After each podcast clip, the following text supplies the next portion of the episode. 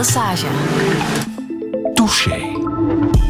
Touché vandaag met Rick van de Wallen. Goedemorgen. Goedemorgen. Rector in uh, de Universiteit Gent en geprogrammeerd om deze zomer 50 te worden. Ja, Kijk je er naar uit? Goh, dat is meteen een heel moeilijke vraag. Ik kijk daar aan zich niet zo heel erg niet zo heel erg naar uit. Ehm, ik had het destijds heel erg moeilijk met 25 worden. Echt waar? Ja, echt waar.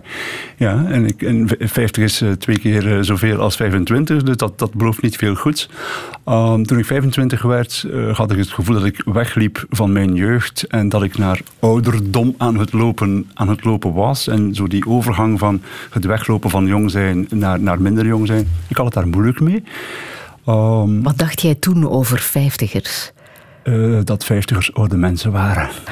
En, en zijn dat oude mensen? Uh, nee. maar Moeten ik vrees... we even zeggen om onszelf te troosten? Ja. Want ik heb uh, de hele maand vijftigers over de vloer. Um, Wim Obroek is al langs geweest. Stefan van Vleteren om de pijn te verzachten. Want ik behoor ook tot die club sinds begin deze maand. Uh, jij bent jarig op 21 juli. Dat lijkt me toch een verzachtende datum. Altijd een feestdag, altijd vrij. Ja, ik verjaar op de nationale feestdag van ons land. Dus iedereen viert, viert mee. Een groter feest kan je niet hebben. Iedereen viert mee, altijd vakantie, altijd zomer. In Gent altijd Gentse feesten. Ja, ja. Bovendien, dus een heel, bijzondere, een heel bijzondere dag. Veel mensen weten inmiddels ook uh, dat ik op die dag uh, verjaar. Uh, ik heb één broer, die verjaart op 1 mei. Ah, ja, is goed geregeld daar in de familie. Ja, en mijn grootvader langs vaderskant, die verjaarde op 25 december, op kerstdag. Hmm. Dus toch wel, toch wel iets bijzonders. Ja, het, is, het, is, een bijzondere dag, de 21ste juli, toen ik heel erg klein was. En de, de straaljagers vlogen, vlogen voorbij richting uh, het défilé in Brussel. Uh, maakten mijn, mijn ouders mij wijs uh, dat er vliegtuigen in de lucht hingen omwille van mijn verjaardag. Uh, ik heb dat niet al te lang geloofd, denk ik, maar, maar ik heb wel die herinnering. Het is ja. een bijzondere dag. Ja. ja. Hoe zou jij jezelf omschrijven? Goh, ik denk dat ik iemand ben waar veel hoeken en kanten aan zitten. Um, iemand met een handleiding? Dat weet ik niet zo zeker, maar zeker iemand met een, met een drive. Ik, ik denk wel te kunnen zeggen dat ik heel erg gedreven ben. Um, dat is soms een voordeel, dat is vaak een voordeel, dat is ook soms een, een nadeel. De dingen die ik doe, wil ik heel erg goed doen, ik wil die ten gronde doen. Ik ga daar vaak ook heel erg um, ver in. Ik probeer dat een beetje te compenseren door, uh, door ook wat vrije tijd te nemen, door hobby's. Um, lopen, duursporten ben ik uh, de voorbije jaren heel erg vaak mee bezig. Uh, maar ik kan niet ontkennen dat dan na verloop van tijd ook daarin ik heel erg gedreven word. Ik, ik weeg mezelf twee keer per dag. Echt? Ja, ja, iedere dag. Dus morgens vroeg. En, en hoeveel woog je dan vanmorgen? Uh, uh, 78,7. Uh, dus ik weet dat tot op een tiende van een kilogram nauwkeurig. Ja. Wil je weten hoeveel ik woog? Ik zeg maar wat, op, op 8 mei 2012. Ik kan u dat onmiddellijk zeggen als ik even mijn, mijn iPhone zou openen. En waarom dus ik, doe je dat? Ja, omdat ik ehm, mezelf ook wel zie als een voor een stukje als een, als een machine. Ik vind, ik, vind het, ik vind mensen wonderlijke, wonderlijke creaturen, zeg maar.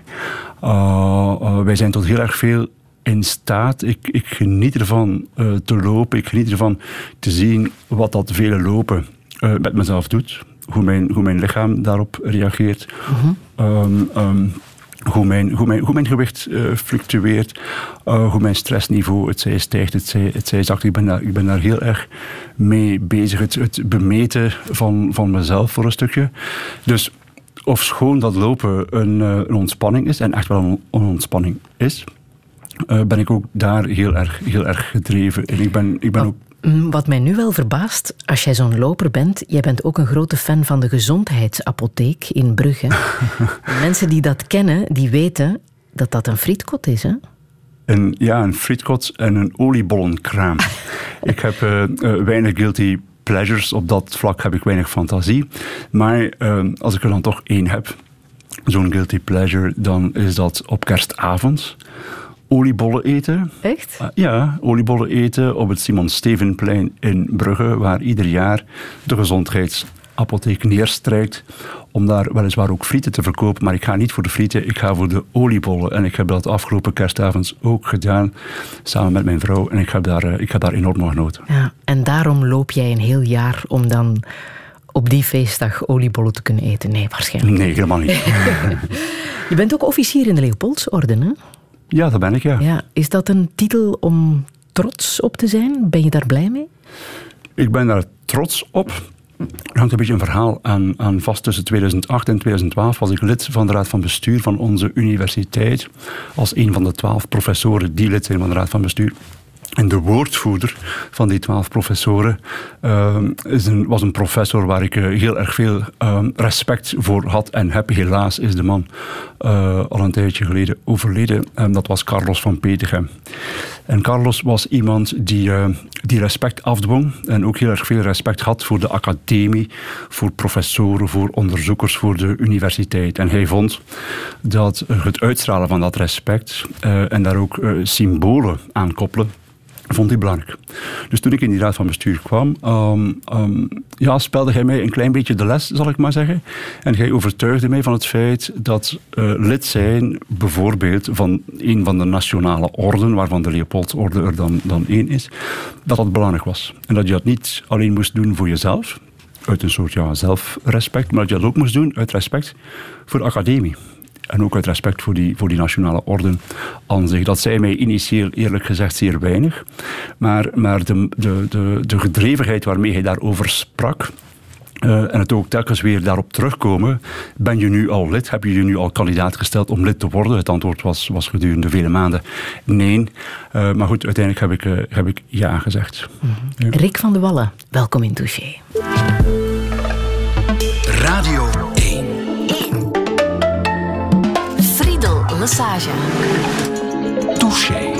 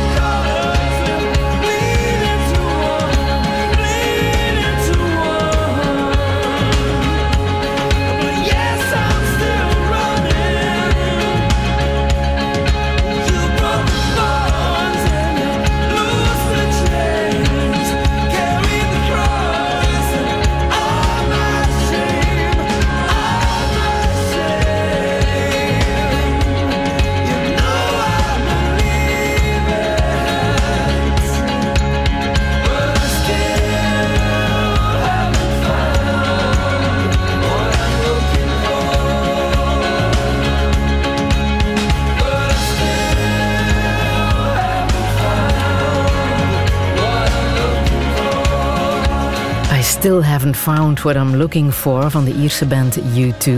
Rick van de Wallen, hoeveel betekenis schuilt er in dit nummer dat je dit nu wil laten horen? Het gaat over zoeken. Het gaat over zoeken, iets willen. Uh, en omdat je het wilt, ernaar zoeken. Het, eh, het best wel vinden in een aantal gevallen. Maar van zodra, van zodra je het dan gevonden hebt, het zij iets anders willen, of het nog beter willen, of het uh, in wat bijgeschaafde vorm, vinden we andere woorden, nooit, nooit aankomen daar waar je dacht aan te komen wanneer je iets gevonden zal, zal hebben. Daar gaat dit nummer over. En gaat dat ook over jou? Ben jij ook zo'n soort zoeker? Ja, ja, ja, zelfs heel erg. En ik was dat, ja, ja. En ik was dat al op, op jonge leeftijd. Ik, um, ik heb ingenieur gestudeerd, ik ben een burgerlijk ingenieur. Um, dat is heel goed gegaan. Uh, mijn eindresultaat eh, was een resultaat waar ik, uh, waar ik heel erg trots op had mogen zijn en ben.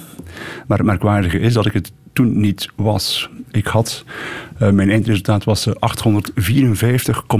op 1000. En alleen al het feit dat ik dat tot op 0,1 promille kan zeggen, zegt veel, denk ik. Ik had 854,2 op 1000 en je, moest toen 855 hebben om de grootste onderscheiding te hebben. Met de liberatie weliswaar.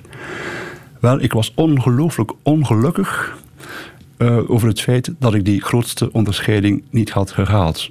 Hoewel dat aan zich geen bedoeling was geweest. Dus ik, ik, ik wou een goed resultaat halen. Ik behaalde ook een goed resultaat. Ja? Maar zodra ik dat behaald had, was het alweer niet goed genoeg. En, en ik probeer er echt aan te werken om die, om die neiging, uh, wanneer je gevonden hebt, wanneer ik gevonden heb, meteen iets anders te willen. Ik probeer dat echt, ik probeer daarmee om te gaan. Nog altijd? Dat is geen les die je toen hebt geleerd als uh, jonge man? Ik heb toen heel erg geleerd dat ik, uh, dat ik zo in elkaar zat. Ah. Ik weet nu dat ik nog altijd voor een stukje zo in elkaar, in elkaar zit. Maar ik probeer dat wel tot, tot redelijke proporties, zal ik maar zeggen, te, te beperken. Um, um, ik ben een loper, ik, ik, loop, ik loop lange, lange afstanden. Uh, 10 kilometer, 15 kilometer. Op een bepaald moment is dat niet genoeg meer. Ik wil dan marathons gaan, gaan lopen. Uh, je kan je de vraag stellen waarom. En ik kan mezelf ook die vraag stellen waarom. En ja, want het is eh, behoorlijk indrukwekkend wat je doet. Hè? Als je eraan begint, moet je het ook nog voorbereiden. Ja, ik ben daar wekenlang, maandenlang mee bezig. Ik loop vier à vijf keer um, per week. Ik doe dat zeer graag. Ik heb daar zeer veel aan. Ik, ik voel mij ook loper. Ik ben natuurlijk rector, ik ben papa, ik ben, ik, ben, ik ben man, ik ben echtgenoot enzovoort enzovoort. Maar ik voel mij ook altijd loper. Ik voel mij een, een lopende rector. Ik voel mij een lopende uh, echtgenoot, een lopende papa. Dat, dat, dat, dat, um, dat gevoel dat je hebt uh, wanneer je lange afstandsloper bent en, en plant en dat voorbereidt in de richting van een wedstrijd, 1 à 2 per jaar.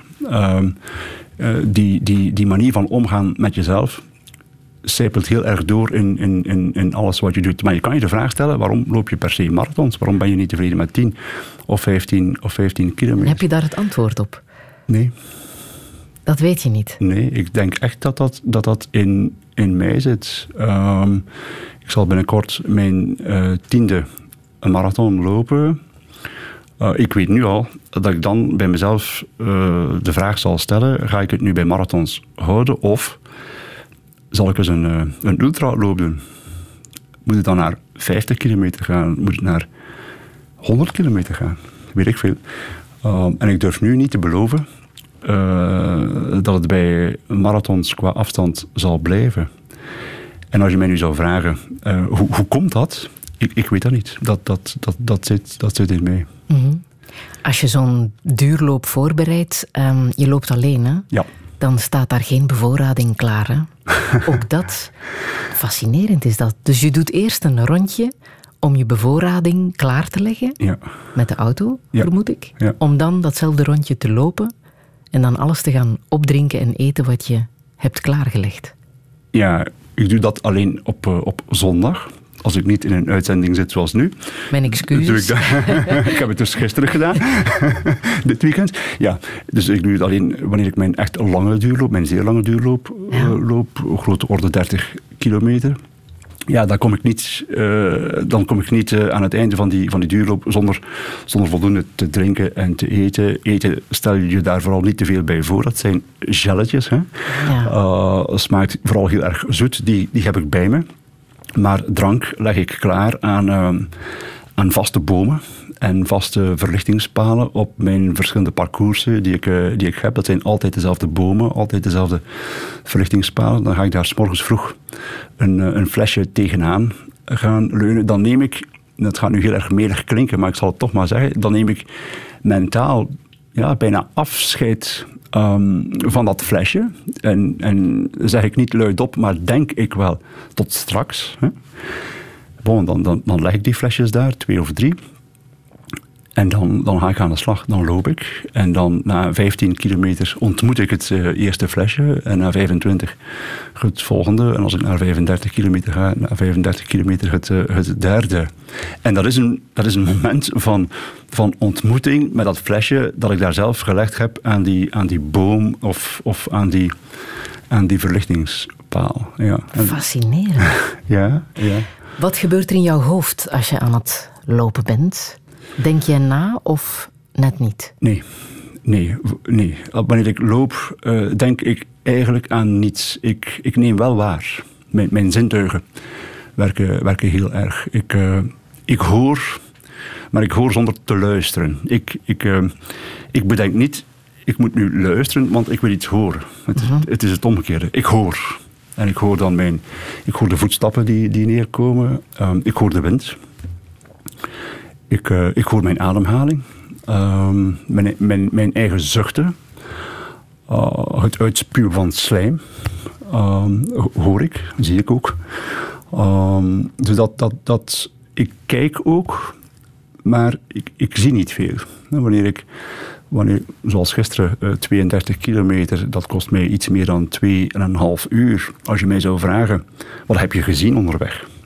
Ik zou het jou niet kunnen zeggen. Ik heb wel gemerkt dat je op zaterdagmorgen veel meer hoort dan op zondagmorgen. En, dan, het is drukker. En, dat zijn wagens. Ja. ja. en dan kijk je, wie zitten in die wagens? En dat zijn dan doorgaans ouders met jonge kinderen. En die worden dan ongetwijfeld gebracht van muziekschool naar voetbalclub, naar dansclub, weet ik veel. Dat was gisterenmorgen echt heel erg, heel erg opvallend. Dus mhm. dat neem ik dan wel waar. Maar ik denk eigenlijk aan niets. Word je gelukkig van het lopen? Dat is een heel goede vraag. Um, en ik ga er meteen een, bijvraag voor mezelf bij stellen. Loop je graag? Ik, ik voel me heel erg gelukkig wanneer ik gelopen heb. En ik ben altijd heel erg blij wanneer ik gelopen heb. Maar het lopen aan zich, als, als, loutere, als loutere actie, als, als beweging, als, als inspanning. Ik ben er niet helemaal zeker van dat ik dat aan zich voldoende graag doe om zo vaak en zo intens te lopen als ik, als ik doe. Dus ik, ik, ik start aan het lopen en ik loop voor een stukje, denk ik ook wel, omwille van het, van het onbewuste weten op voorhand dat ik mij nadien heel erg goed ga, heel erg goed ga voelen. Mhm. Um, ik loop ook uh, op werkdagen frequent eigenlijk heel erg vroeg in de morgen. Dan, dan sta ik op om kwart, kwart na vier, half vijf. En dan ben ik om half vijf of, of, of om kwart voor vijf s morgens vroeg al, al aan het lopen. Um, en dan kom je thuis. En dan moet die dag eigenlijk nog beginnen. Maar ik heb al iets gedaan waar ik, waar ik eh, best wel intens gelukkig van word. En dan kan die dag eigenlijk niet meer, niet meer stuk. Dat gevoel. En mhm. dat, dat eigenlijk weten dat je dat gevoel gaat hebben, vind ik, vind ik heel erg fijn aan, aan lopen. Vergeef me dat ik het er nog eens invrijf, hè, maar je wordt van de zomer 50. Hoe lang denk je nog te kunnen lopen op deze manier? Ik denk heel lang. ik heb, ja, je hebt een goed gestel? Ik heb tot dusver een, eh, een, een goed gestel. Um, hoewel ik gezondheidsproblemen heb, heb gehad. Maar goed, ik, ik, ik, uh, ik ben in staat om, om, uh, om lang te lopen. Wanneer ik, wanneer ik straatwedstrijden loop of, of marathonwedstrijden loop, dan kijk ik om me heen en daar zie ik best wel mensen die, die de 50 uh, al een heel eind voorbij zijn. En dan bedenk ik, oké, okay, er, er is leven na 50 ook. Hè? Dus ik, ik, als je een beetje geluk hebt, dat is een kwestie van geluk. Als je een beetje geluk hebt, dan, uh, dan moet het lukken om nog een hele tijd te lopen. Ja.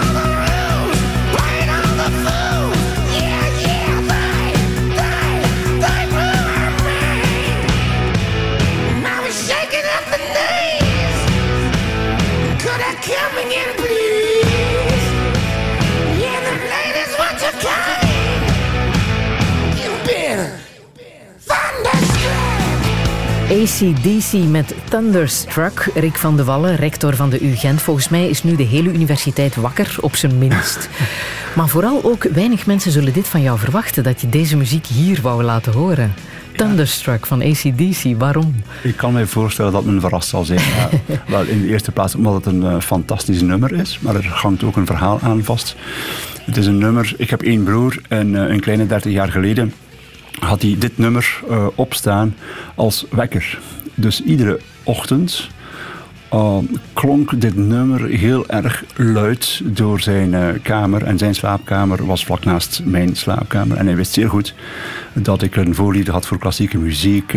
En, en helemaal geen voorliefde had uh, voor, voor ACDC of rock of hard rock of wat dan ook. Dus dat wist hij heel goed.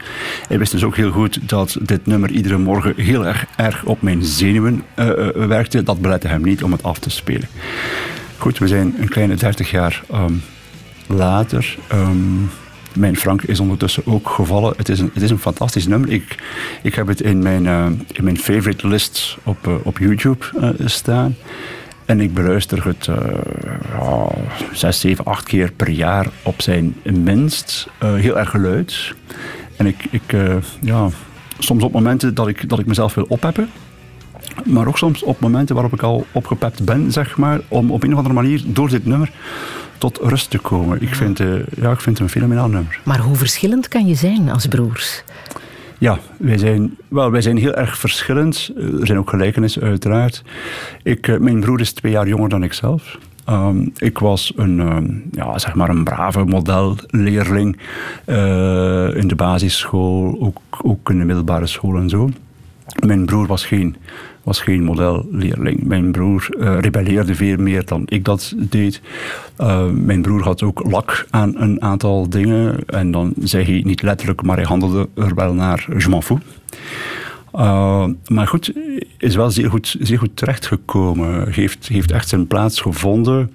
Een hans ander parcours afgelegd dan ik, dan ik zelf maar wel heel erg goed terechtgekomen. Vorig jaar bij de opening van ons academiejaar Um, heeft mijn broer op sociale media een foto gepost. En die foto bestond eigenlijk uit twee delen.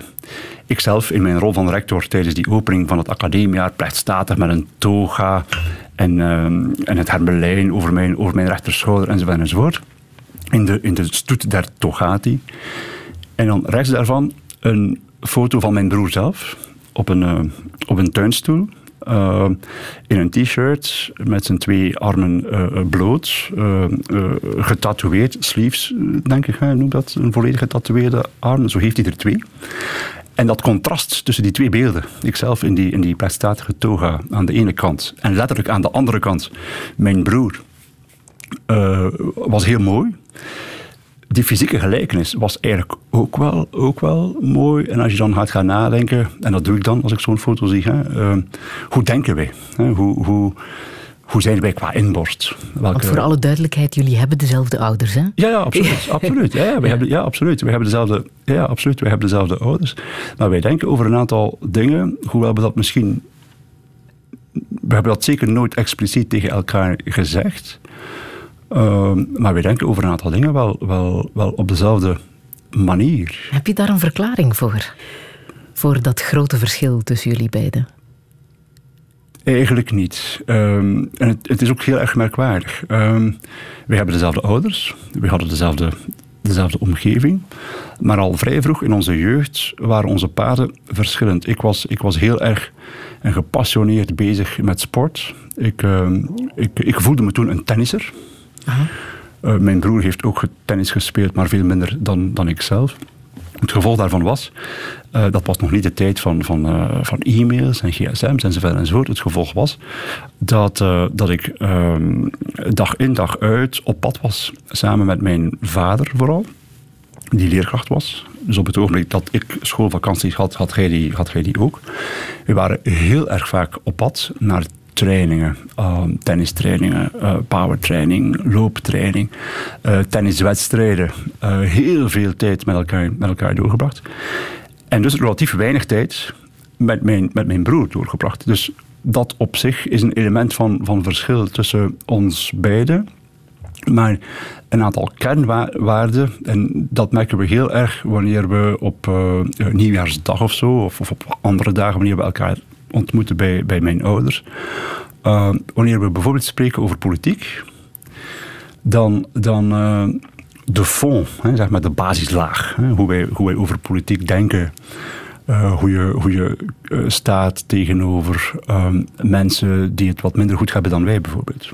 En hoe je daar tegenover tegenaan kijkt. En wat je daar dan moet wel of niet aan doen om verschillen wat, wat kleiner te maken. Hoewel onze paden heel erg verschillend zijn, merk ik heel nadrukkelijk op dat wat hij daarover zegt, in wezen hetzelfde is als wat ik daarover zeg mm. en, en vice versa. Ja, mm. dat, is echt, dat is echt frappant, ja. Mm. Je vader was uh, wiskundeleraar? Ja, klopt. Ja. Ja. En jouw moeder?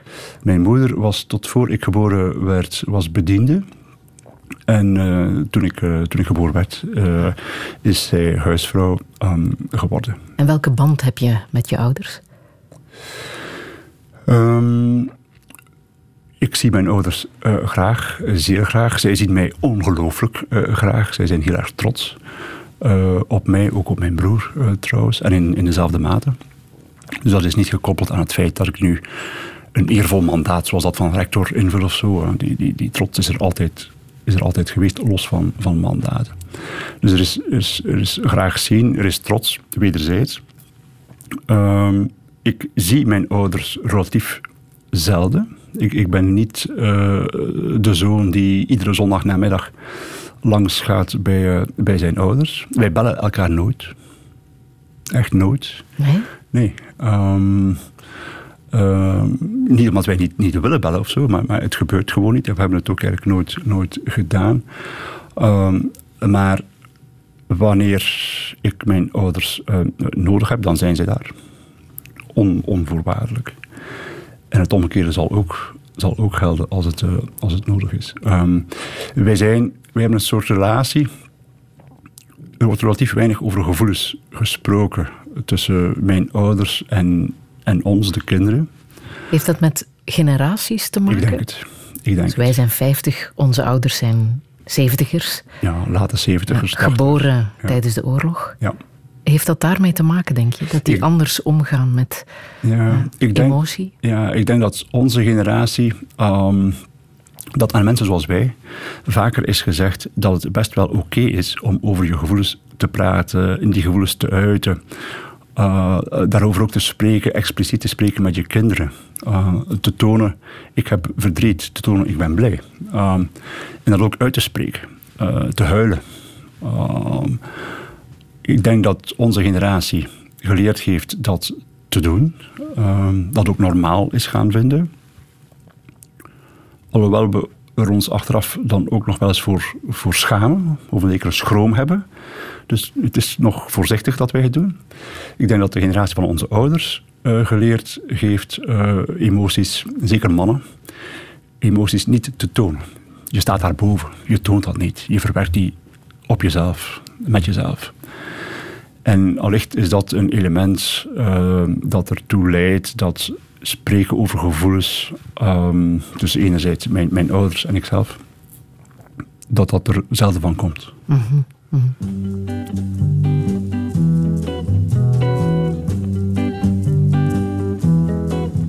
Voor degene in zijn schuilhoek achter glas.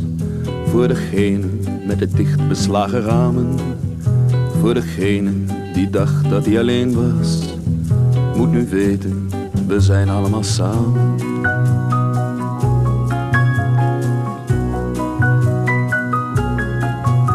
Voor degene met het dichtgeslagen boek. Voor degene met de snel vergeten namen. Voor degene met het vruchteloze zoeken. Moet nu weten, we zijn allemaal samen. Zing, weg, huil, wit, lach werk en bewonder.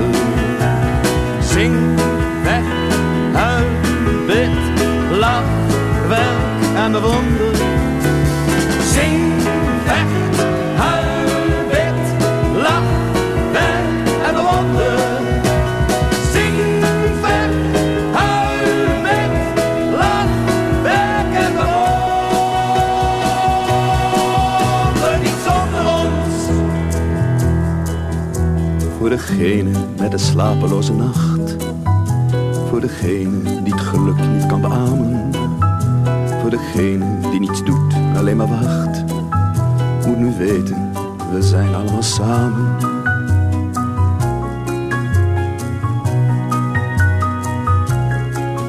Voor degene met zijn mateloze trots. In zijn risicoloze hoge toren op zijn risicoloze hoge rots. Moet nu weten, zo zijn we niet geboren.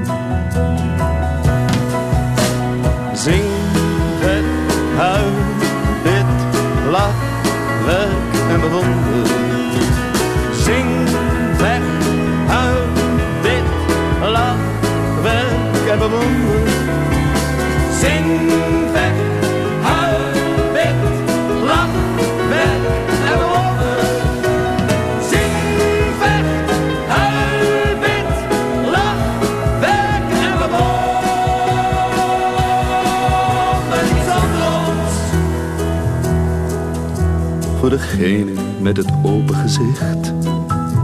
Voor degene met het naakte lichaam.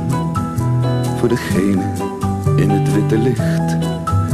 Voor degene die weet, we komen samen. Zing, vecht, huil, bid, lach, werk en. Zing,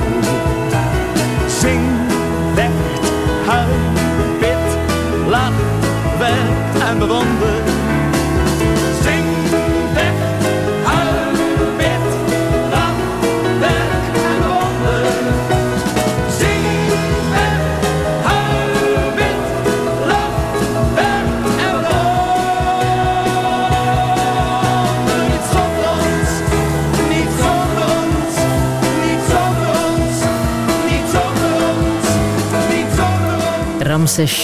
met zijn klassieker Zing, Vecht, Huil, Bid, Lach, Werk en Bewonder. Rick van de Wallen, welke betekenis heeft dit nummer voor jou?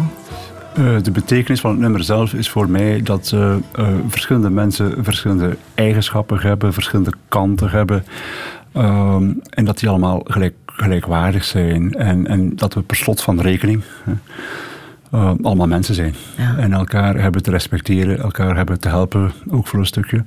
Uh, dit komt uit een CD toen ik student was. Um, had ik ieder jaar één CD die ik tijdens de, de blok- en examenperiode werkelijk grijs draaide. En dat is dus een jaar een CD geweest van Boudewijn de Groot. Dus dat is een, een CD geweest van Bruce Springsteen en de, en de E Street Band of, of, -hmm. of zoiets. Uh, en het is ook een keer een jaar geweest een CD van, uh, van Ramses Shaffi die ik gekocht had om één nummer te hebben, Pastorale, uh, samen met Lisbeth List. Maar ik heb dan die hele CD beluisterd en dat, dat stuk geeft mij, of dat, dat, dat, dat nummer geeft mij van bij het eerste horen enorm gefrappeerd. Mm. En uh, er zijn tijden geweest dat ik het helemaal van buiten kende. Nu niet meer, maar toch nog uh, grote stukken merk ik nu. Mm. Heb jij kunnen genieten van jouw studentenleven? Ja, ik was graag student. Maar uh, je hoort vaak mensen zeggen: je studententijd is de, is de mooiste tijd uit je, uit je leven. Dat was in mijn geval niet zo. Um, um, ik heb ook geen vrienden overgehouden aan mijn studententijd aan zich. Uh, en dat kwam omdat ik mijn, uh, mijn opleiding als, uh, als ingenieur of tot ingenieur combineerde met, met muziek. Ik was toen nogal, nogal ook gepassioneerd bezig met, met muziek. Ik, ik speelde fluit, studeerde fluit ehm, en ik volgde de opleiding burgerlijk ingenieur. We hadden heel veel les. En na die les ging ik ofwel nog als vrijstudent uh, les fluit of muziek gaan, gaan volgen, of ik studeerde muziek. Met andere woorden, ik had geen tijd om, uh, om met medestudenten op te trekken. Ik heb in mijn hele studententijd ben ik niet één keer in een studentencafé binnen geweest. Ik ben niet één keer um, uh, naar, een, naar een vuif geweest. Zegt Nooit, de no. rector van de Universiteit ja, Gent nu. Ja, ja absoluut. absoluut. Uh, ben je ondertussen al eens in een studentencafé geweest? Ja, ja ik heb zelfs, ja, ja, absoluut. Ik heb al bier, bier geschonken. Ik drink geen alcohol, dus ook geen bier. Maar enfin, ik heb wel bier geschonken, ja. Maar dus in mijn studententijd helemaal niet. Uh, ik heb mij bijvoorbeeld ook helemaal niets aangetrokken als student van studentenvertegenwoordiging of studentenparticipatie, die ik nogthans heel, heel erg belangrijk vind. Heel erg belangrijk. Mhm. Ik ben mij maar beginnen interesseren voor. Uh, voor de universiteit als instituut of voor mijn faculteit destijds. Uh, van zodra ik afgestudeerd uh, was en werknemer werd aan mijn, aan mijn universiteit. Maar voor mij studeren aan zich, um, ja goed, ik wou, ik wou leren. Uh, maar ik wou naast dat studeren aan de universiteit ook nog wel iets anders doen. En dat, dat was dan muziek. Ja. En welk plan had je voor ogen in jouw uh, academische carrière? Wat, wat wou je daarin bereiken als, uh, met jouw doctoraat? Met, Niets. Niets? Nee, ik had geen plan. Ik heb overigens ook geen, geen plan. Um, ik realiseer mij zeer goed, ik, ik ben een zondagskind. Ik ben, ik ben op jong, zeer jonge leeftijd um, professor geworden uh, aan de universiteit, omdat ik het geluk had omringd te zijn door mensen die, mij, die, die iets zagen in mij, die mij kansen gaven, die mij steunden. Ik ben uh, op, op zeer jonge leeftijd in, in beleidsfuncties um, beland. Ik ben vice-decaan geweest van de ingenieursfaculteit, decaan. Ik ben nu rector, allemaal op, op relatief zeer, zeer jonge leeftijd. Ik begrijp zeer goed dat mensen dan denken, als dat zich doorheen een carrière zo vaak voordoet, die kansen krijgen en die ook grijpen, en dat allemaal op zeer jonge leeftijd, dan begrijp ik zeer goed dat mensen uh, denken, daar moet, daar moet een masterplan achter zitten. De, de man is geboren met een plan. En hij, iedere dag is gewoon een, een bijdrage tot dat, tot dat, plan. En hij zal en wil en moet dat plan realiseren. Maar er is geen plan. Um, ik, ik, en ik vind dat echt een voorrecht. Ik, uh, ik heb het voorrecht een aantal talenten te, te, te, te, bezitten. Dat is geen enkele, ik heb daar geen enkele verdienste aan. Dat, dat is een geluk. Dat op zich is al een voorrecht. Ik heb het voorrecht in een omgeving groot geworden te zijn. Opgegroeid te zijn die een veilige omgeving was, een zeer zorgzame omgeving. Een omgeving die uitdaagde, die kansen bood enzovoort enzovoort. Uh, maar ik heb vooral het voorrecht altijd in mijn leven omringd geweest te zijn door mensen die, ja, die op mijn pad kwamen en die kansen boden. Ik heb, ik mhm. heb altijd veel meer kansen gekregen dan ik, dan ik heb kunnen waarmaken. Gewoon omdat ik keuzes moet maken. Ik wil jou graag geloven, hè? maar we weten uh, dat hebben we kunnen volgen in het nieuws dat de rectorverkiezingen uh, drie jaar geleden aan de Universiteit van Gent een behoorlijke strijd is geweest die zes maanden heeft geduurd en negen slopende stemrondes uh, heeft gekost. In de krant las ik toen over jou dat je een moderne Brutus was die een tweede termijn van de katholieke rector aan de papen onmogelijk had gemaakt. Hoeveel waarheid zit er in die zin die toen in de krant stond? Ik denk in die naaktheid van formuleren geen. Totaal niet? Ik ben, om te beginnen, niet uitgesproken modern. Ik ben geen Brutus. En ik heb een tweede um, rectoraatstermijn voor mijn voorgangster, Anne de Papen, niet onmogelijk gemaakt. Um, Anne, zoals alle andere potentiële kandidaten, hadden, had kunnen kandideren. Uh, zij heeft dat niet gedaan. Um, ik hoef daar zelf geen, geen, van geen uitweidingen aan te, aan te wijden. Um, ik ben een twijfelaar. En de mensen die, die toen en nu en voorheen dicht bij mij staan, uh, weten dat heel erg goed. Ik heb onder andere heel erg lang getwijfeld over de vraag: zal ik nu kandidaat rector zijn of zal ik dat niet zijn? Moet ik dit nu doen?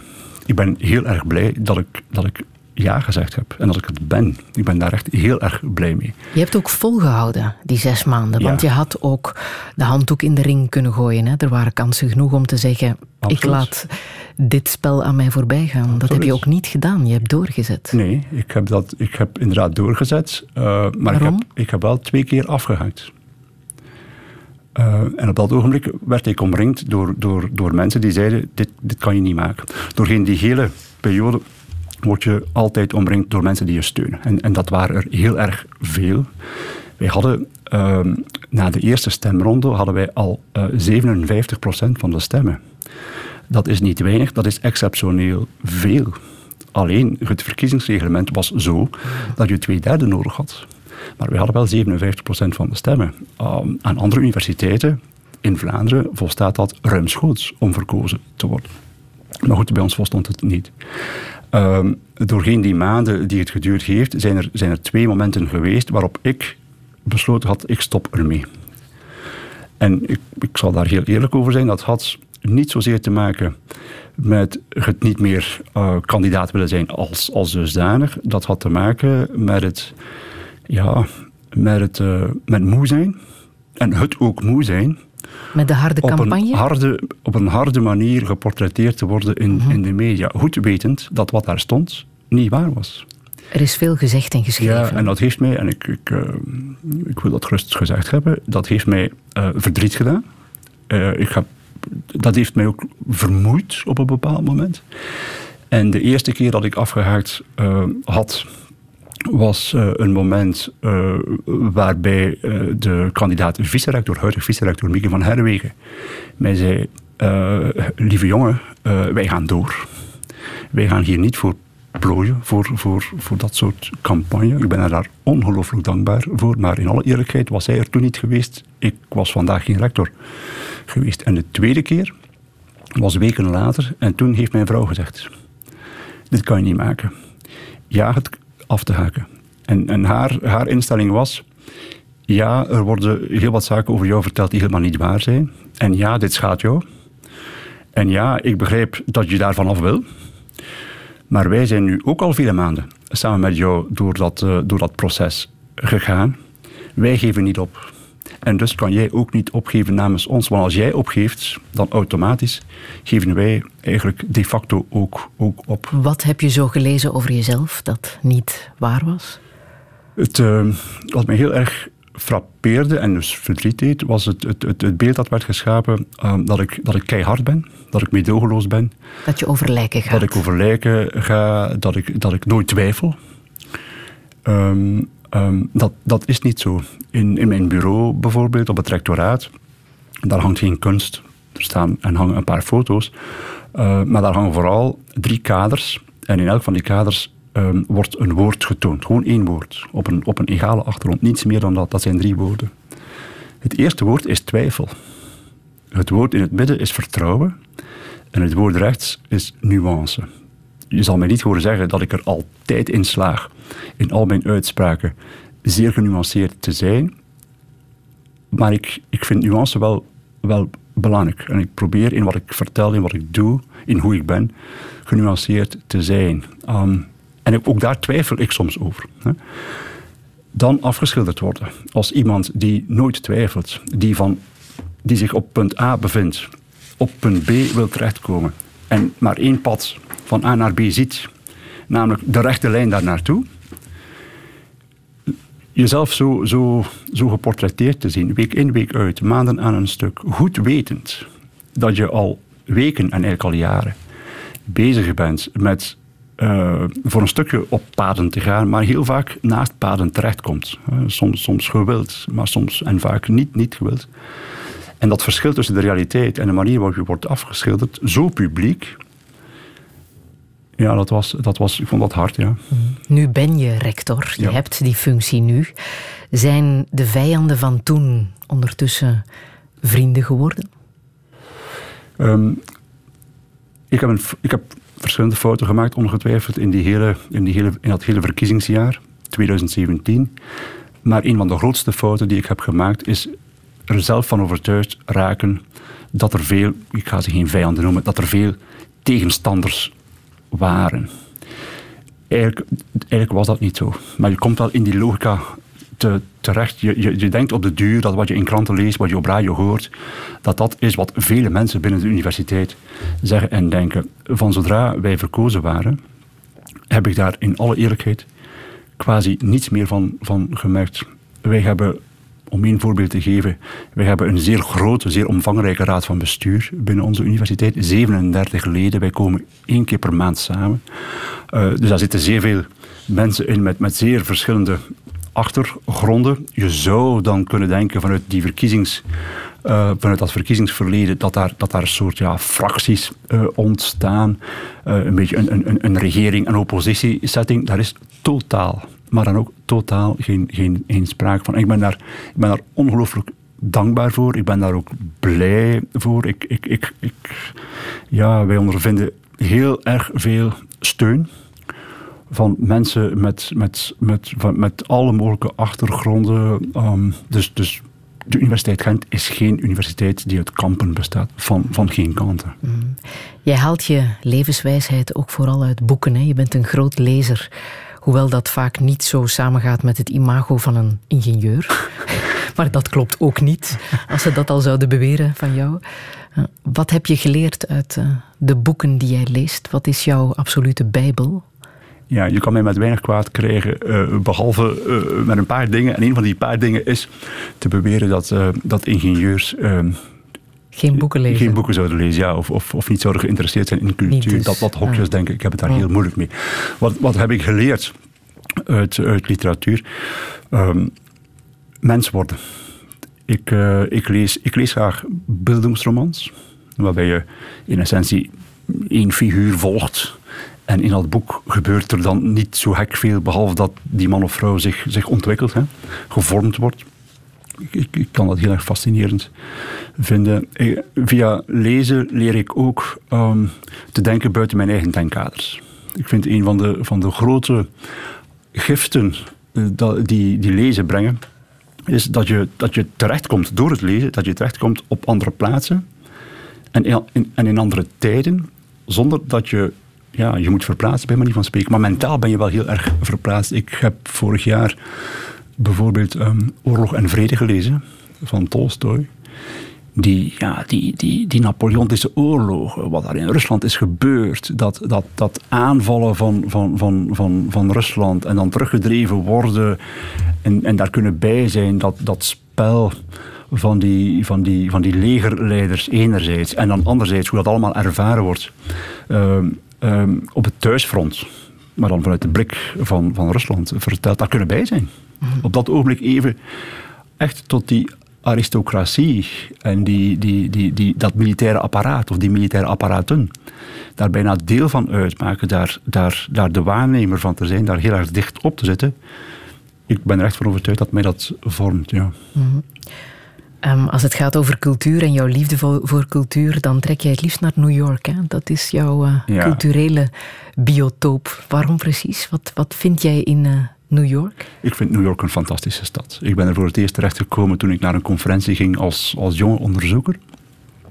En ik was daar, ja, ik was daar onmiddellijk verliefd op, om toch maar eens dat woord te gebruiken.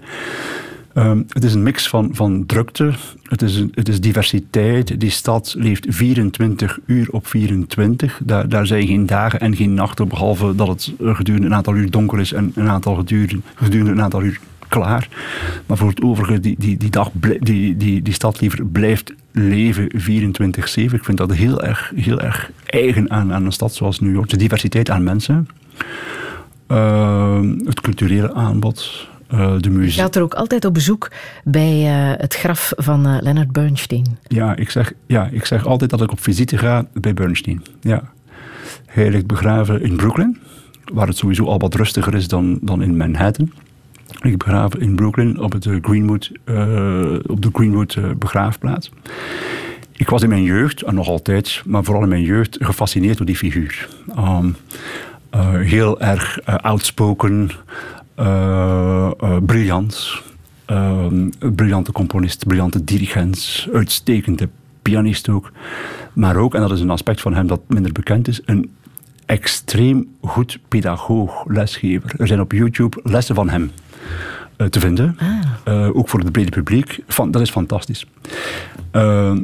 en goed, ja, ik was daardoor begeesterd. En ik, ik ga iedere keer wanneer ik naar New York ga, dan ga ik bij hem, bij hem langs. En wat frappant is, die, die, ja, die exuberante man, die, die iedereen in gedachten heeft wanneer over Leonard Bernstein wordt gesproken.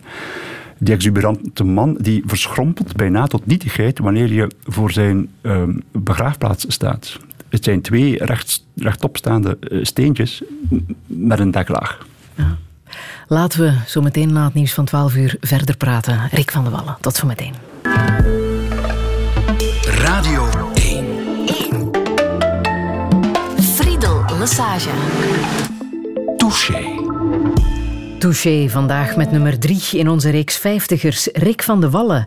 Opgegroeid als zoon van een wiskundeleraar en voorbestemd om toptennisser te worden. Maar die droom werd vroegtijdig afgebroken. Ter compensatie klom hij alsmaar hoger op de academische ladder.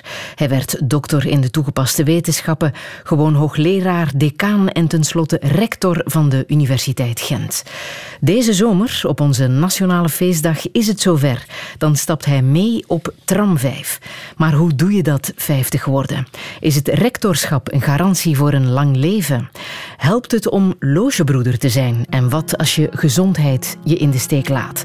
Dit is Touché met Rick van de Wallen. Een zeer goede middag. in Ploestert werd geboren.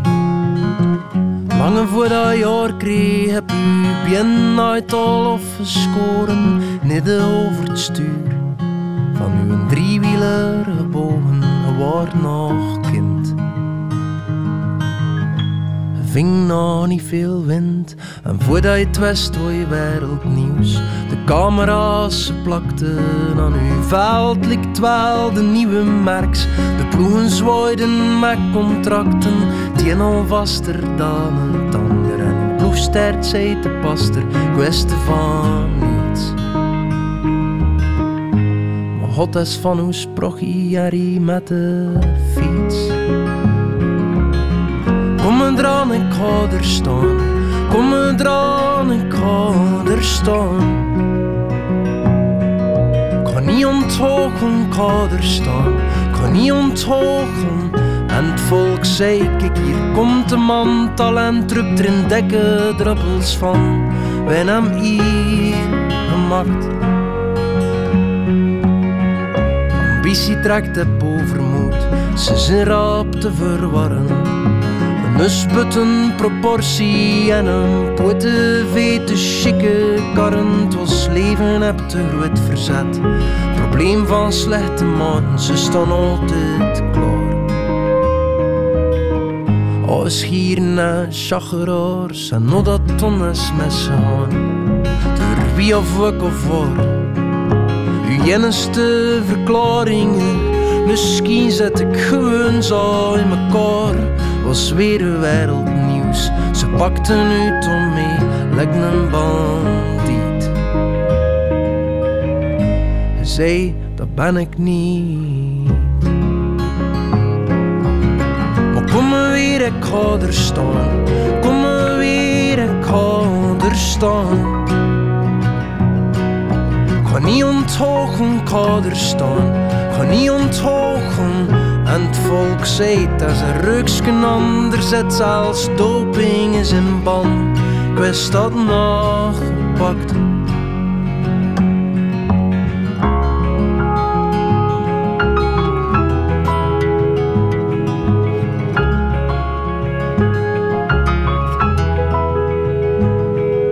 De woorden ik wil u nooit meer zien narten in der taal. Het is doen zonder moorden, het is zonder advocaat voor tribunaal. Dat ze te mond kwam van de moeder van uw dochter, waar hij het verdient. Is het lot zo niets ontzien, die laatste dag met dochter lief, leerde ze nog fietsen er wiel behost te draaien, kost er ondanks alles van genieten, maar zonder vrouw en kind. De kolle waar hij nog mee in was ik heb er compassie gemaakt gaan. En God zei, kom maar weer, ik ga er staan. Kom maar weer, ik ga er staan.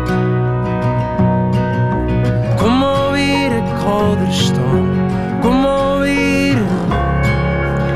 Zesde metaal met ploegsteert, de ode aan Frank van den Broeke, Rick van de Wallen. Het is een nummer dat jou na aan het hart ligt. Hè? Waarom precies? Ja, ik was heel erg fan van Frank van den Broeke. Ik vond dat een zeer intrigerende figuur. Um, hyper getalenteerd. Ehm, zeer snel, zeer veel succes um, gehaald belangrijke koersen gewonnen. Leuk, Bastenaken leuk. Gewonnen waar hij eigenlijk ehm, de dag voor de koers um, communiceert. aan de wijde wereld, bij manier van spreken, waar hij zal wegrijden. Dus iedereen weet waar hij het wil doen. Hij doet het en niemand kan volgen. Uh, ja goed, er was natuurlijk ook dan achteraf het, het, uh, het, gebruik van, van verboden middelen. Waar hij mee in opspraak is gekomen. Dat aan zich doet niets af voor mij van zijn, ja, van zijn brani. Uiteraard ook niets van zijn talent. Ehm, dramatisch verhaal ook het, uh, de weg bergaf. Dat beseffen. Terug bergop willen. Dat ook aankondigen. Ik kom terug. Ik kom weer aan Gouder staan. Maar dan in het West-Vlaams. Ehm, daarmee worstelen. waarbij het voor mij nooit duidelijk is geweest of hij wilde terugkeren voor zichzelf, dan wel om diegenen die hem graag zagen, die zijn supporters waren, zijn ouders, zijn familie, zijn kind, zijn vrouw. Uh, of hij ten aanzien van hen wou bewijzen dat hij er weer stond, dan wel er zelf weer wou staan. Ja, ik vond dat een, een, een, intrigerende figuur. Ik vind het nog steeds. Ja. Weet, je, weet je nog, eh, toen het nieuws binnenkwam, dat hij was gestorven aan een longembolie in Senegal? Beetje bevreemdende omstandigheden. Hoe is dat nieuws bij jou binnengekomen? Um, hard. Uh, ik was thuis. Um, ik weet nog precies uh, waar, ik, waar ik zat toen ik het hoorde. En dan, dan die wielrenner is er dan op dat ogenblik niet meer. Maar um, het was vooral de mens Frank van den Broeke die er niet meer was. Um, zijn verhaal was er niet meer. Zijn, zijn, willen, zijn willen opnieuw terugkeren op dat niveau van weleer. Zowel niet alleen als wielrenner, maar ook als mens, denk ik, op een of andere manier. Uh, dat was gedaan. Mm uh, onaangekondigd. Uh, op dat ogenblik um, hadden ik ben maar een supporter. Hè. Hadden, hadden supporters als ik dat niet, uiteraard niet in de gaten. Uh, dat, hij, dat hij zo ver heen was. En dan plots is hij er niet meer. Uh, ik, vond, ik herinner mij ook nog heel goed dat men uh, dan diezelfde dag en de dagen nadien zeker heel erg uitsmeerde de wat negatievere kanten van zijn, van zijn verhaal. En dan, dan denk ik toch ook van ja, goed, ehm, heeft een dochter, heeft ouders, ehm, heeft een entourage moet dat nu? Moet dat allemaal? Uh, moet dat in die mate? Moet dat met die hardheid? Um, ik, vond dat, ik vind dat moeilijk. Ik heb de indruk dat dingen soms hard bij jou binnenkomen. Je zat uh, daarnet ook heel alert naar het nieuws te luisteren, alsof het tegen jou persoonlijk werd uh, verteld. Um, het nieuws dat eind december binnenkwam, um, dat heeft jou ook enorm geraakt. De uitspraak van de minister-president Jan Jan Bon uh, over sommige asielzoekers die met het kindergeld dat ze ontvangen na jarenlang wachten op uh, de uitkomst van een asielprocedure, meteen een huis zouden kunnen kopen. Daar werd jij bijzonder kwaad van. Hè? Ja, ik ben toen kwaad geworden. Ik ben kwaad geworden uh, omdat ik vond dat het uitspraken waren van, uh, van gezagsdragers, van een gezagsdrager, gezagsdragers, um, die, hoe je het draait of keert, toch in een zeker comfort leven en werken. Uh, afgeschermd leven en werken. En het ging over een uitspraak ten aanzien van zwakke mensen. En dan, je hoort mij helemaal niet zeggen dat er geen uitspraken mogen worden gedaan, maar je hoort mij wel zeggen dat wanneer het gaat over zwakke mensen, dat je op je hoede moet zijn en dat je je moet bewust zijn van de gevolgen van die uitspraken, hoe die zullen worden gepercipieerd. Uh, ik ben ervan overtuigd dat Jan Jan Bon door die uitspraken te doen, die mensen niet heeft willen kwetsen. Daar ben ik echt van overtuigd. Uh, dus hij heeft daar geen, geen kwaad mee in de zin gehad, om het, om het zo maar eens uit te drukken. Alleen vond ik dat het voorspelbaar was um, dat die uitspraken zouden kunnen worden misbruikt. Uh, misbruikt in de zin van het, het culpabiliseren, het stigmatiseren van die, van die mensen. Dus ik had niet zozeer problemen met het loutere feit dat de uitspraken werden gedaan. iedereen kan fouten of foutjes maken. Een, een minister-president kan dat, een, een rector zeker en vast ook. Maar als dan die commotie daar rond ontstaat, dan had ik gehoopt dat de minister-president zonder veel omwegen, klaar en duidelijk, recht toe recht aan, had kunnen zeggen: Ik had die uitspraak op dat ogenblik niet, niet moeten doen. Dit is wat hij werkelijk heeft gezegd na die rel over eh, de uitspraak. Misschien eens extra goed luisteren hoe hij het uh, verwoordt. Ik uh, besef dat ik uh, als regeringsleider dat ik moet verbinden de ploeg verbinden, maar ook, uh, meneer Oscar, ik ben het daar met u eens, ook uh, ruimer dan de ploeg. En dat ik dan uh, misschien verkeerd ingeschat had dat het zoveel, tot zoveel commotie zou leiden. Dus ik heb daaruit geleerd. Touché. Volstaat dit voor jou? Het had nog iets meer mogen zijn. Hij had, wat mij betreft, kunnen zeggen dat hij dat niet had moeten doen. En dat met zoveel woorden zeggen.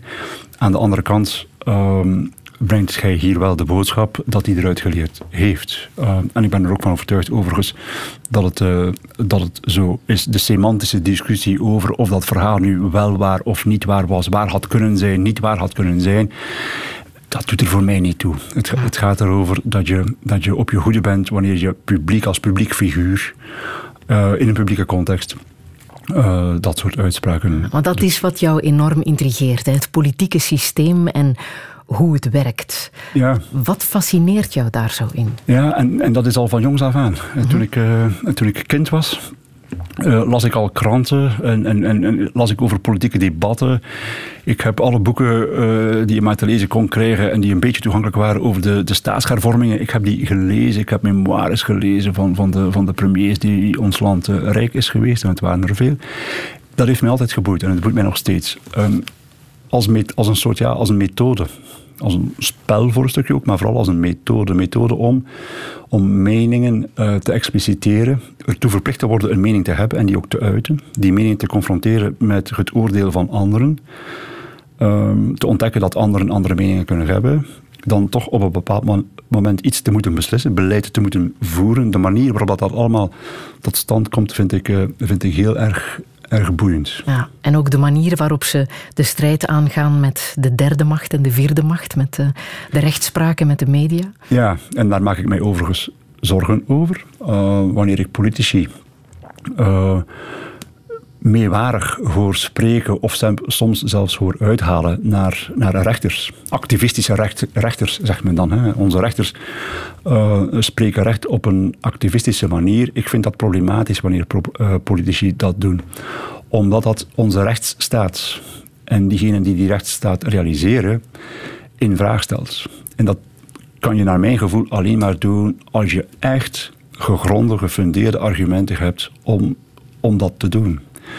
Het zou heel erg kwalijk zijn mocht er een wantrouwen ontstaan ten aanzien van, van rechters, diegenen die recht spreken. Ik denk als die situatie zich zou voordoen binnen het brede publiek, dat we pas echt een probleem hebben. hetzelfde geldt een beetje voor de media. Wanneer uh, er berichten in de media verschijnen die politici op de korrel nemen, die kritisch zijn voor politici, dan hebben sommige politici de neiging om uit te halen naar de media. En dan gaat het nogal vaak over de linkse media. Ik vind, ik vind dat kwalijk. Um, ik vind overigens dat uh, de media en journalisten doorgaans kritischer zouden mogen zijn dan ze op vandaag zijn. Uh, ik vind dat, dat in, in praatprogramma's, in interviews, uh, politici met heel veel wegkomen. Je hoort ze soms dingen vertellen die manifest niet gebaseerd zijn op feiten, en het kan me dan als kijker uh, af en toe wel eens storen dat men hen daar dan niet mee confronteert. Dus ik vind dat, uh, zeker in een Vlaamse en Belgische context, onze politici helemaal niet te klagen hebben over de hardheid waarmee zij door de media worden aangepakt. En ik vind dat ik als, als kijker uh, of als luisteraar van, van radioprogramma's soms op mijn honger blijf zitten. Mm -hmm. En ik vind net dat journalisten wat verder zouden mogen gaan dan ze, dan ze nu soms uh, gaan. Ik ben nu heel erg aan het veralgemenen en dat wil ik eigenlijk helemaal niet doen. Maar uh, van tijd tot tijd zou het wel wat meer mogen dat zijn. Dat is jouw advies aan de media, maar wat is jouw advies aan de politici? Um, er is nog altijd geen regering. Nee, um, het, het loutere feit dat wij in ons land nog geen regering hebben, dat aan zich vind ik niet zo problematisch. Wat ik heel erg problematisch vind, dat is dat nogal wat mensen, ook politici, dat geen probleem lijken te vinden. Dat is voor mij problematisch. We verliezen tijd. Um, ik heb ehm, in mijn loopbaan, ehm, in alle fasen van mijn loopbaan, als onderzoeker, als jonge prof, als wat minder jonge prof, uh, ik heb altijd zeer veel gereisd. Wel, wie veel reist en, en, en zijn of haar ogen open houdt, ja, ziet veel. Um, na mijn eerste jaar als rector uh, heb ik mij de vraag gesteld: ben ik dat nu graag, hè, rector? Het antwoord is ja, ik ben dat heel graag. Zijn er dingen die ik mis in vergelijking met vroeger? Ja, er was één ding dat ik heel erg miste en dat was het reizen. Ik heb in mijn eerste jaar als rector weinig gereisd. Vanaf mijn tweede jaar reis ik veel. En zo heb ik vorig jaar, ik ben in uh, Zuid-Korea geweest, China, Zuid-Afrika, Ecuador enzovoort enzovoort om nu te beperken tot, tot China en, en Zuid-Korea, als je ziet wat daar gebeurt, de snelheid waarmee niet alleen die landen zelf uh, zichzelf veranderen, maar de snelheid waarmee zij door dat te doen ook de wereld veranderen, als je dat aan de ene kant ziet. En je ziet anderzijds, bij ons, of je hoort of je leest mensen zeggen, dat we geen regering hebben, we hebben nog wel wat tijd. Uh, laat ons daar ook wel de tijd voor nemen.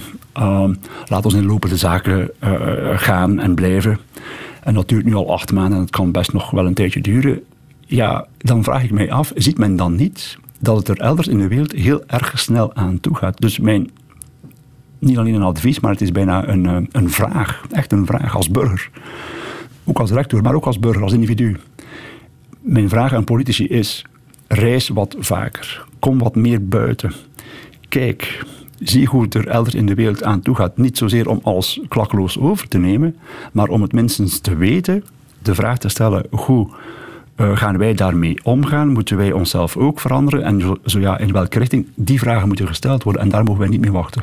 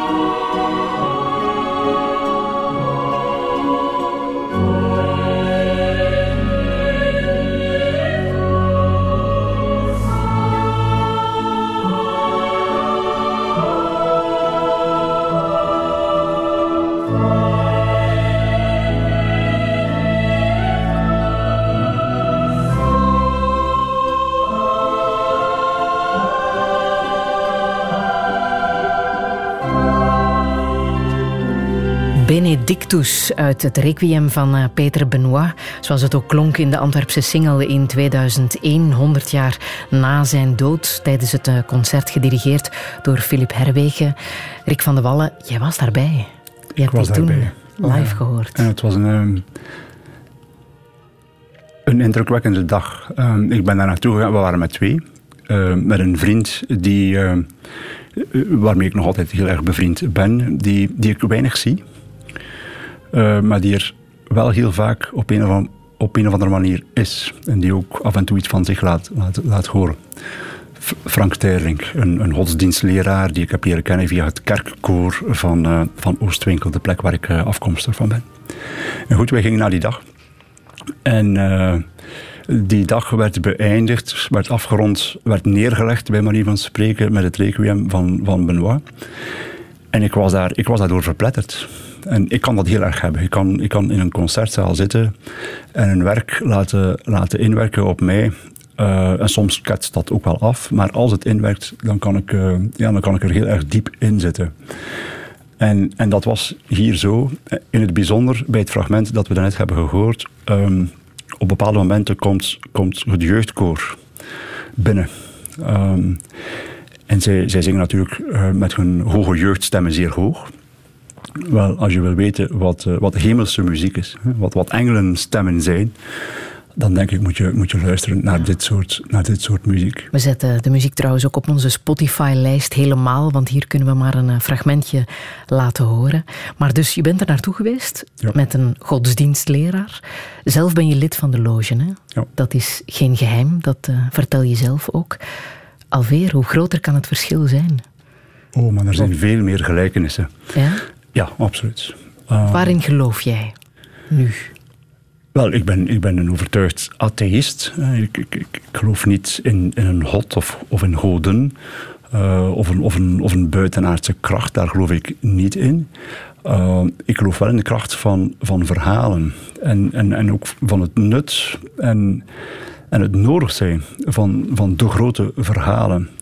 Dus ik ben een vrijzinnige, een overtuigd vrijzinnige, maar je zal mij nooit um, horen lachen met, met, met mensen die gelovig zijn. Ik lach daar niet mee. Mhm. Ik begrijp dat mensen gelovig zijn. Ik begrijp denk ik ook waarom mensen gelovig zijn. Ik begrijp dat mensen daar troost kunnen, kunnen in vinden, een verbondenheid kunnen, kunnen in, in, in ervaren.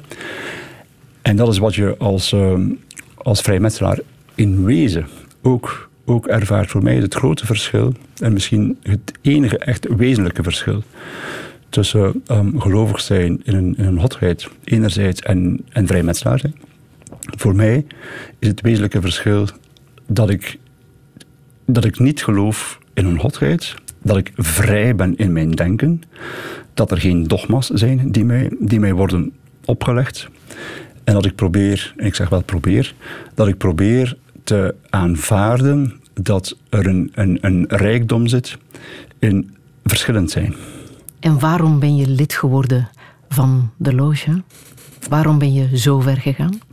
Ja, dat is niet de eerste vraag die je stelt uh, wanneer je lid wordt van de loge. Je zou kunnen vragen waarom blijf je lid van de loge? Uh, je wordt gevraagd.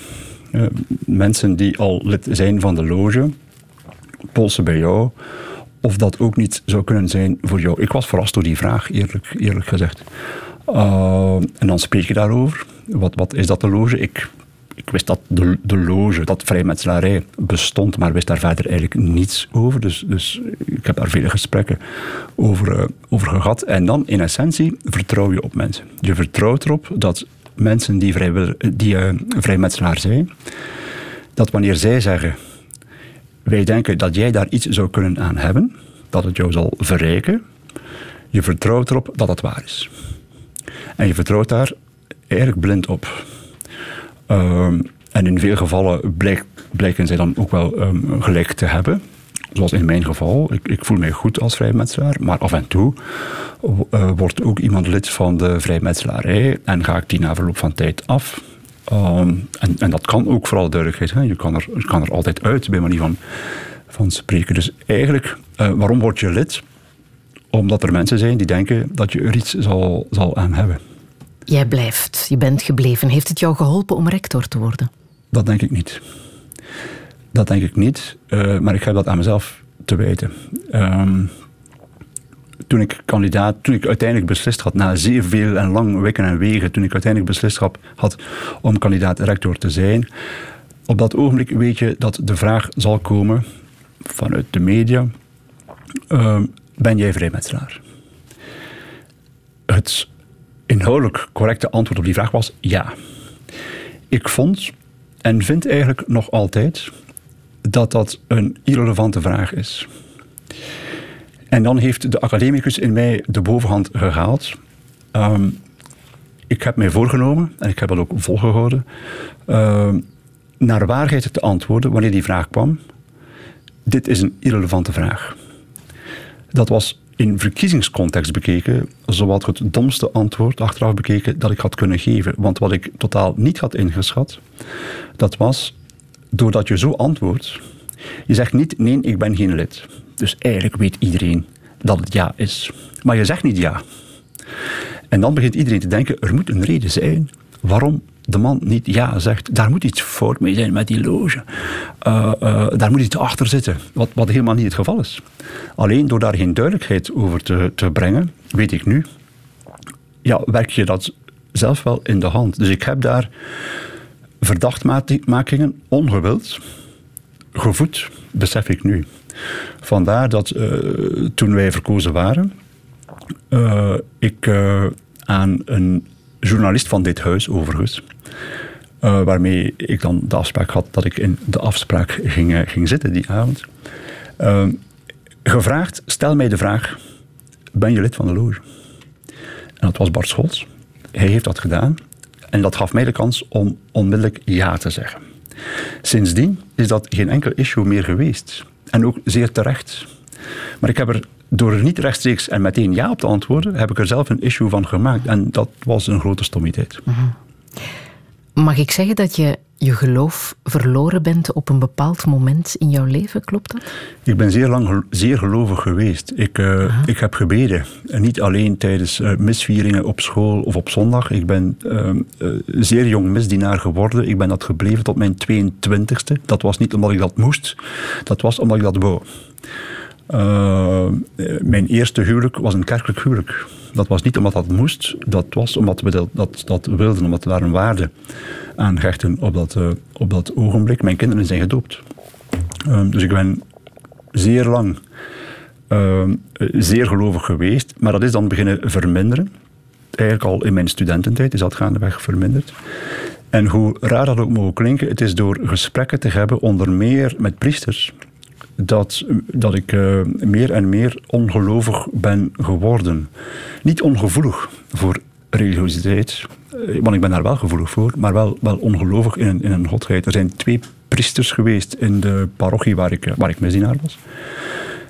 De eerste was uh, Antoon Meijeren. Met die man heb ik daar, daar vrij vaak over gesproken. En hij heeft dat nooit uitgesproken, maar ik heb altijd de indruk gehad dat hij mij eigenlijk wou, um, ja, denk ik zelfs wou behoeden voor een roeping. Ik zeg nu niet dat hij spijt had van zijn roeping. Hij kan er ook niet meer over getuigen, want hij is overleden. Maar ik heb altijd gedacht, zeker achteraf, eigenlijk het soort gesprekken dat wij hadden waren onder meer bedoeld vanuit zijn kant bekeken dan om mij te behoeden voor een roeping. En zijn opvolger, uh, Maurice Bakeland, die, die wel nog in leven is. Daar had ik dan, dat was in de fase waarbij ik zelf van mijn geloof aan het afvallen was. En ik ging, ik ging verbaal in, in dialoog en in strijd met, met die man. Uh, Pastoor Bakeland is een briljante man. Tot, tot op de dag van vandaag, overigens. Ik genoot van, dat, van, dat, van, dat, ja, van dat, die dialectiek, van dat discussiëren met hem daarover. En ik wist ook, en dat was niet mooi van mij, maar goed, ik wist ook hoe ik hem zeer kwaad kon krijgen. Ik heb dat, ik heb dat één keer gedaan uh, waar anderen bij waren. Um, dat was niet mijn beste avond. Uh, ik heb daar wat spijt van. Ik heb hem dat ook gezegd. Uh, maar dat heeft er wel toe geleid dat ik, dat ik ben beginnen nadenken over hoe sta ik nu tegenover dat, dat geloof. En bon, ik kan ben... jij voor jezelf zeggen wanneer jij van je geloof bent afgevallen? Wat is er gebeurd? Ik kan daar geen moment op plakken, ik kan daar geen gebeurtenis op plakken. Dat, dat, is, dat is geëvolueerd. Ik denk dat ik al een tijdje um, ongelovig was. op het ogenblik dat ik het voor mezelf besefte en ook gezegd kreeg, voor mezelf dan. Ik heb dat nooit publiek gezegd of zo. Mhm. Ehm, maar, maar ik heb mezelf bij manier van spreken eh, gedurende een tijdje moeten overtuigen van het feit. Uh, ik geloof niet in een, in een godheid. Mhm. Ik geloof niet in de, ja, in de, in de, in de dogma's zoals we die, uh, zoals we die kennen. Mhm. ja. Want toen je jong was, de periode waar je over spreekt, toen je bad en een, uh, nog misdienaar was tot je 22e, ben je ziek geworden. Hè? Heb je een, ja. ja.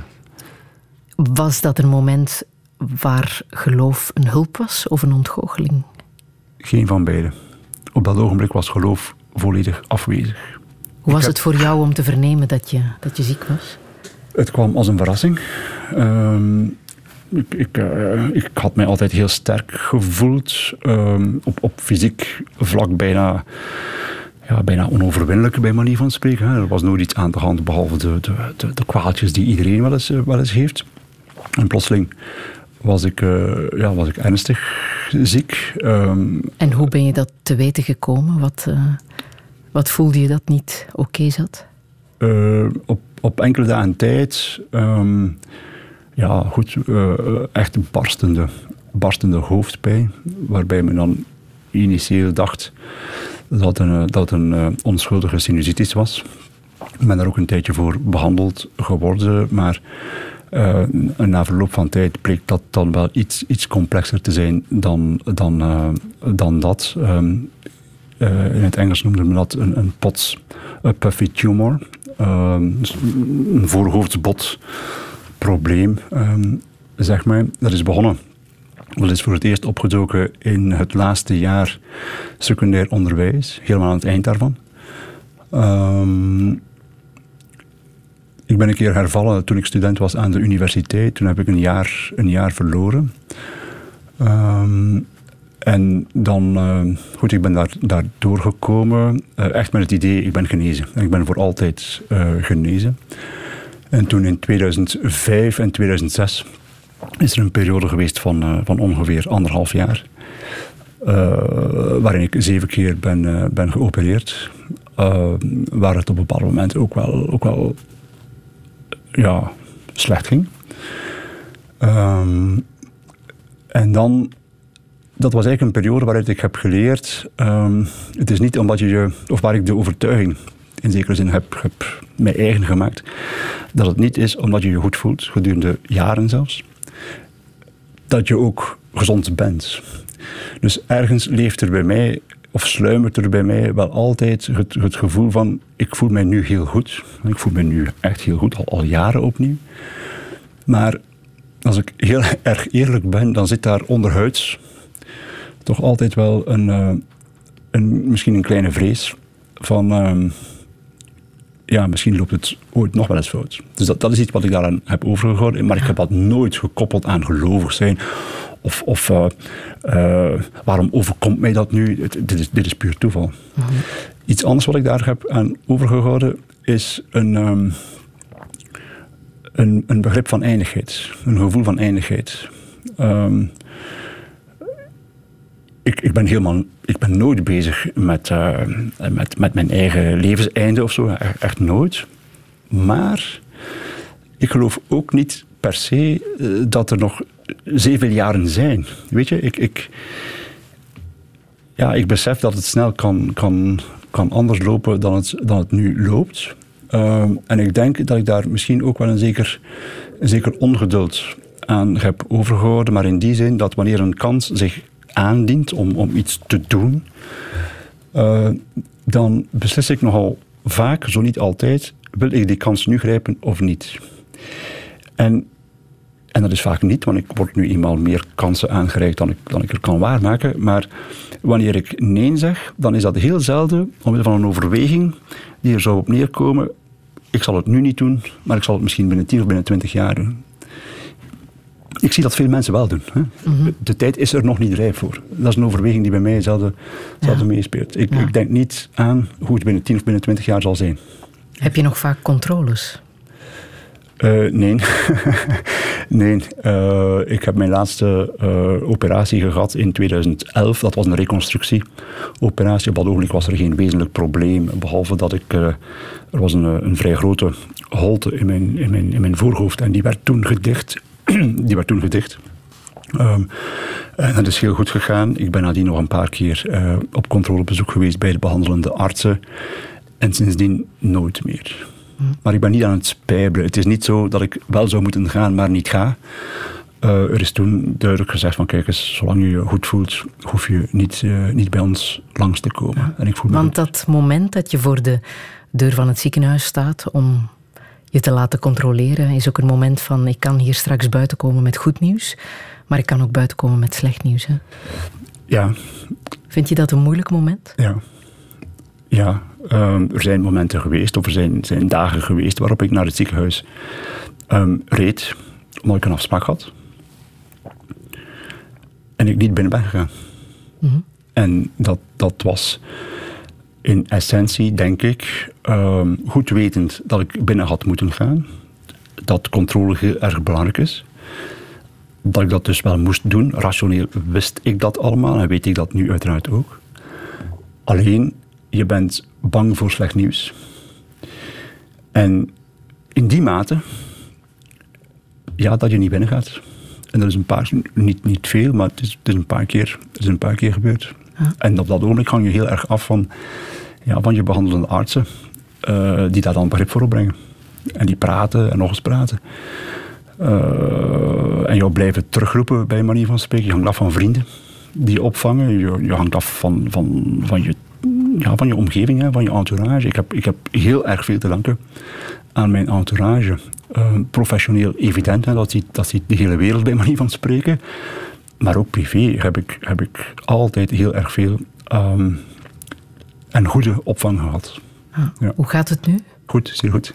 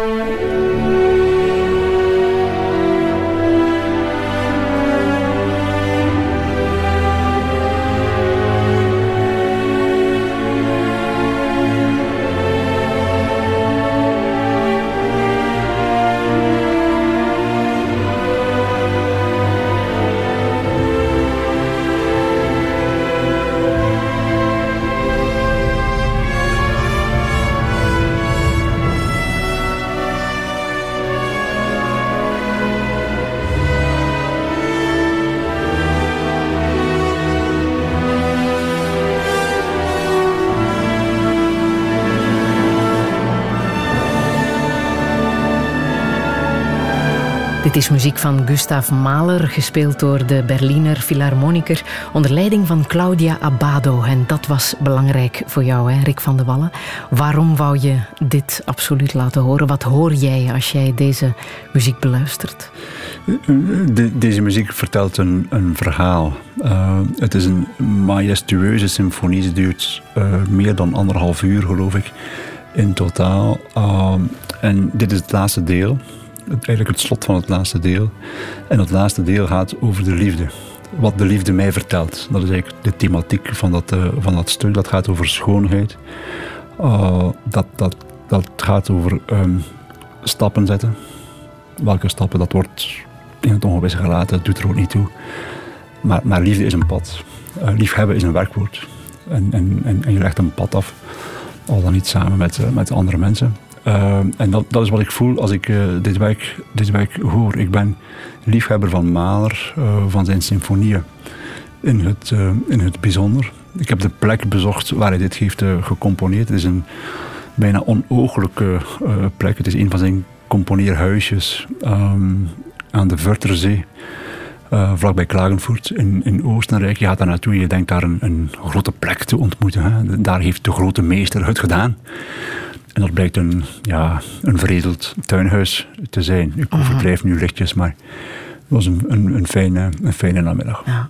Ben jij goed in de liefde? Goh, dat, dat, uh, ik weet niet of je dat aan mij moet, moet vragen. Um, ik weet dat eigenlijk niet. Uh -huh. um, ik weet dat niet.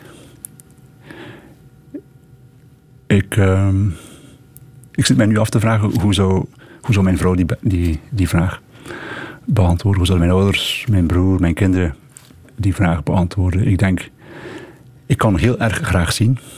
Dat kan ik zeker. En doe ik ook. Um, of ik het voldoende toon of kan tonen, is voor um, overpeinzing vatbaar, op zijn minst. Mm -hmm. En wellicht is het antwoord minstens gedeeltelijk Nee, misschien niet. Wat heb jij gemist in je leven? Wel, dat sluit daar een beetje bij aan. Ik, uh, ik ben altijd zeer benomen geweest door, door, door datgene waarmee ik bezig ben tot op de dag van vandaag. Ik heb twee kinderen. Uh, ik heb mijn kinderen niet, niet leren lezen, rekenen. Ik heb ze ook niet met de fiets leren rijden. Ik heb nauwelijks gespeeld met mijn Ehm, met mijn kinderen. Dus die, die echt jonge kindertijd is voor een stukje aan, aan mij voorbij gegaan. Ik ben denk ik ook een beetje aan hen voorbij gegaan. Op dat, uh, op dat ogenblik, dat is de realiteit. Um, vind ik dat het zo moest? Nee. Ik, eh, ik, ik, stond daar niet bij stil. Dat vind ik achteraf dat het anders had gekund of gemoeten, misschien wel. Ik was een vrij afwezige Ehm, papa van jonge kinderen. Um, ja, in zekere zin heb ik dat dan wel gemist. En vind ik dat jammer. Maar als ik heel eerlijk ben, uh, geeft mij de kans om terug te keren naar die tijd en het uh, bij manier van spreken opnieuw te doen. Als ik heel eerlijk ben, dan denk ik dat ik het op dezelfde manier zal doen als op de manier waarop ik het heb gedaan. Dus in die zin Ehm, is het wel gemakkelijke spijt. Um, ik denk dat mijn kinderen, wanneer zij dit nu horen, misschien wel de bedenking maken, horen bezig. Dat zegt hij allemaal wel, dat hij er meer had moeten zijn. Maar uh, hij was er wel niet.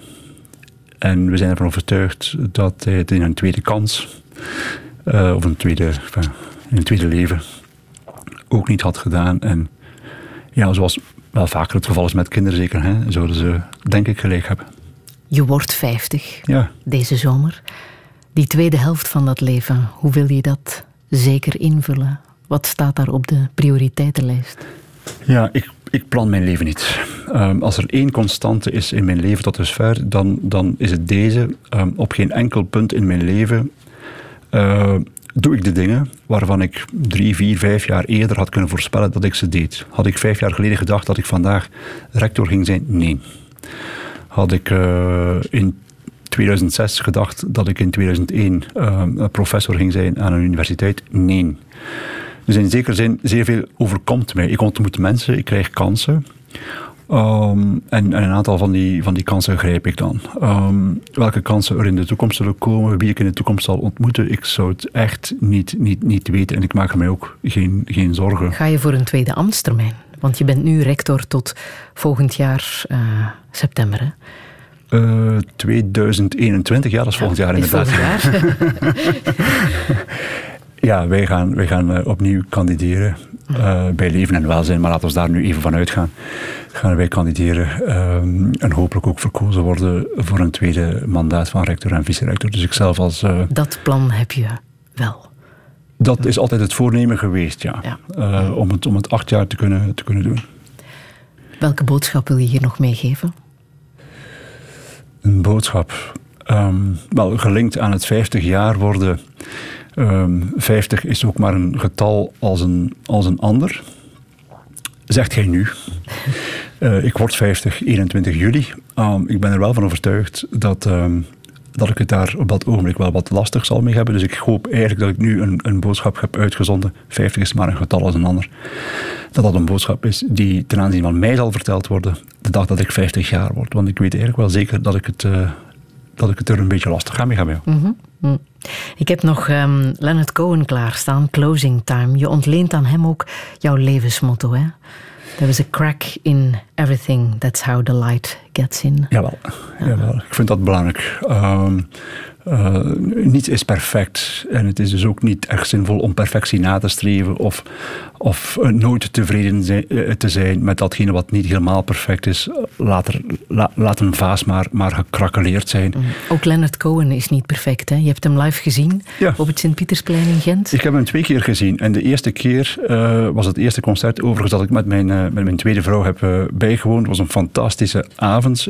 Eén of twee jaar later zijn we nog eens naar hem gaan kijken dat was de, enfin, dezelfde voorstelling. En toen was ik een klein beetje ontgoocheld. Die eerste avond werd een beetje ontheiligd. Dat had met mij niets te maken, het had met mijn vrouw niets te maken, maar het had met Leonard Cohen te maken.